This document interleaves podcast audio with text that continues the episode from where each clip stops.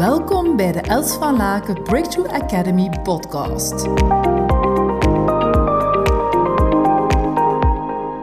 Els, jij bent breakthrough coach. Wat was jouw meest recente breakthrough? Ah, goeie vraag. Hmm. Ik had uh, deze week ook met mijn team gedeeld van wat is, het, wat is ons joepie-moment. Dat doen we zo soms uh, zeggen, wat is ons joepie-moment van de afgelopen tijd. En een van de dingen is toch wel de intensiteit, of een van de dingen dat ik echt, dat ik, hetgene wat ik benoemd heb, is de intensiteit en de connectie met mijn kinderen. Dus we hebben, um, we hebben mijn dochter nu uh, toegelaten om alleen naar, uh, naar school te mogen stappen, s morgens, en ook nu straks dus terug te keren van school. Ze is negen. En dat is toch een hele grote beweging op vlak van vertrouwen. Want mijn man die heeft, als hij klein was, is die eigenlijk omvergereden door een auto als hij op het wandelen was naar school. Dus dat is echt een trauma. En dat voelt zo echt op de diepere laag van... Dat, ik bij mijn mout echt zo de afgelopen week zien weer zo'n extra zelfvertrouwen boost zien krijgen.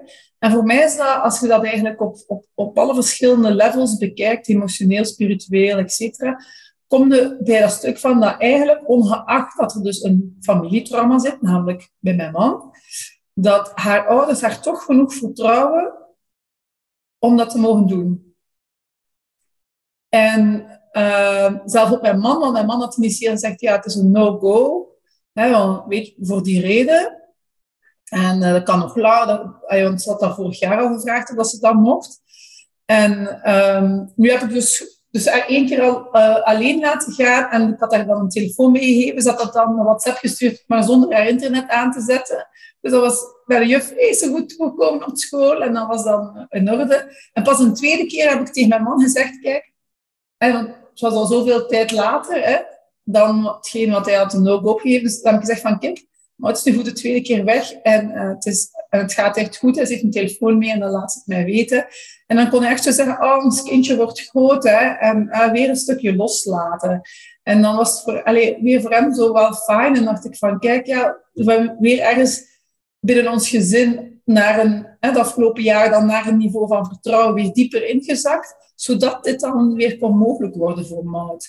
En, en allee, ja, dus ik nu zo, allee, de afgelopen tijd dan ook die intense blikken. Ze komt veel meer ook zo nog spontaner knuffelen dan ze normaal deed. Dan zegt mama, ik ben iets vergeten, ik ben iets vergeten.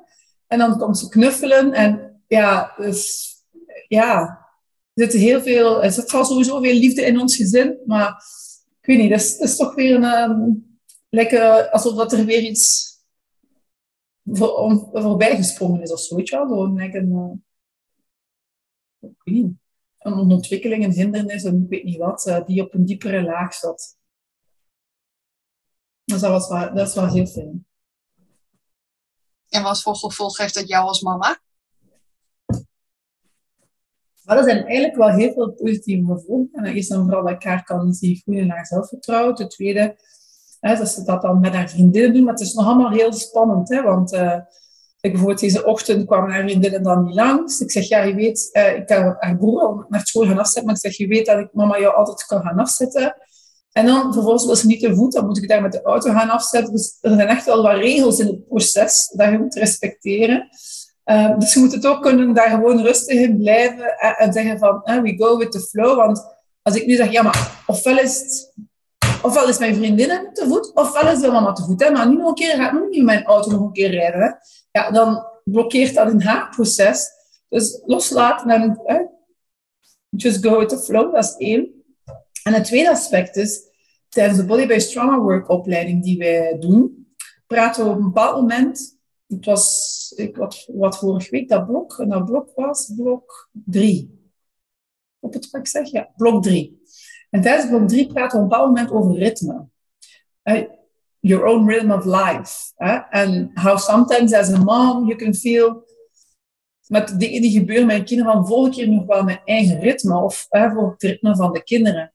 En uh, is nu negen, dus hè, laten we zeggen met de zwangerschap erbij, het wordt in oktober tien, hè, dat we dan toch tien, elf jaar verder zitten, dat eigenlijk tot en met januari dit jaar uh, ik eigenlijk altijd het ritme van de kinderen heb gevolgd. En daar altijd mijn eigen ritme op de tweede plaats uh, heb gezet. En wat er nu gebeurt is dat ehm, mijn zoon die vindt het leuker om met zijn vriendjes nog wat na school te spelen in de opvang. En mijn dochter juist niet. Dus, die kan, dus er komt ook een bepaalde, ja, meer soort van vrijheid of ritme voor mezelf. Dat ze, dat ze dus nu straks gaat thuiskomen uh, dat ze naar haar kamer... Hè? Dus ondertussen zit weer training te geven van Yes to Trust in het andere gebouw. Mijn trainers zijn bezig. Ik zit hier op een uh, andere locatie in ons gebouw. Mijn dochter komt via een... een we hebben twee trappen, dus een trap via de garage. Zo uh, richting haar kamer, dus ze stoort niemand. Kan daar op, op rustig haar huiswerk maken. En gisteren ook had ze dan, want ik was bezig, was ze rustig haar huiswerk gedaan. En was chill, weet je. En anders als we bijvoorbeeld de twee kinderen samen hebben, mijn hoofd dan vaak ruzie. En dan, en dan, dat stuk is er dan eigenlijk, en dacht ik, wauw, dit is wel tof. En s morgens vroeg is dus mijn zoon ook begonnen, dus dat is heel bijzonder. Dus omdat, waarschijnlijk omdat hij dus door heeft van, ik moet nu niet langer wachten op mijn zus, want hij moest altijd wachten op zijn zus om te vertrekken, want hij was altijd eerder klaar. Dat is nu al drie dagen dat hij zich uh, een half uur zijn wekker vroeger heeft gezet. Hij is zeven. En dat gewoon al uh, klaar staat om 7 uur 30 om te vertrekken naar school. En dan zeg ik tegen hem, ja, maar wacht nou, dan moet jij ook een half uur vroeger in je bed gaan. Als je gaat, hè? Dan denk ik, ja, misschien is dat zijn ritme. Hè? Hij heeft niet zoveel uren nodig als dat zijn zus nodig heeft. I don't know. Let's, laten we eens kijken wat die kinderen ons aan het vertellen zijn. Hè? Want bijvoorbeeld wat Andrea mij daarin vertelde, is dat je, dat je bijvoorbeeld... Um, um, dat zij bijvoorbeeld op een bepaald moment besloot, uh, besloot van ik ga hier, onder, ik ga hier onderuit met, met eigenlijk al een keer voor de kinderen en dan een keer ruimte voor mezelf te hebben. En zij heeft op een bepaald moment tegen haar kinderen gezegd, zeg, weet je wat, jullie zijn oud genoeg om jezelf gewoon spulletjes van je school klaar te maken, zelf naar school te gaan en zelf naar school terug te komen. En die kon, ze zegt, ja, dan sliep, want ik ben een, late bird, zegt ze, dus ik slaap graag lang uit. Dus dan kon ik gewoon mijn eigen ritme volgen. En was ik ook gewoon een veel aangenamere mama dan, uh, en, dus dat, dat heeft wel toen al eerder in mijn hoofd gespeeld, en maar dan met een no-go van mijn man, dan dat ook willen respecteren vanuit het trauma dat daar was. En dat je nu ziet van eigenlijk dat die beweging bij Mout gekomen is en dat dat eigenlijk ook al de beweging bij boeren in actie zet. En dus ook dat je meer kunt gaan vertrouwen op het natuurlijke ritme? Ja, en dus dat ik ook inderdaad kan zeggen van ja, dus nu was ik dan aan het denken van ja, nu was ik dan terug in mijn bed gekomen omdat ik dus ziek was. En dan zei mijn dochter, ja, wanneer sta je dan eigenlijk op? want ja, soms vroeger stond ik eerder op en dan was ik aan het werken voordat zij dan opstonden, want dat super productief was. Ik zeg, ja, normaal gezien dus nu 7 uur 30 samen met jullie. Um, maar uh, ja, vroeger was het dan bijvoorbeeld eerder. En ik denk, ja, wanneer, wanneer zou ik eigenlijk willen opstaan? En als zij dat zouden zelf doen, uh, naar school gaan.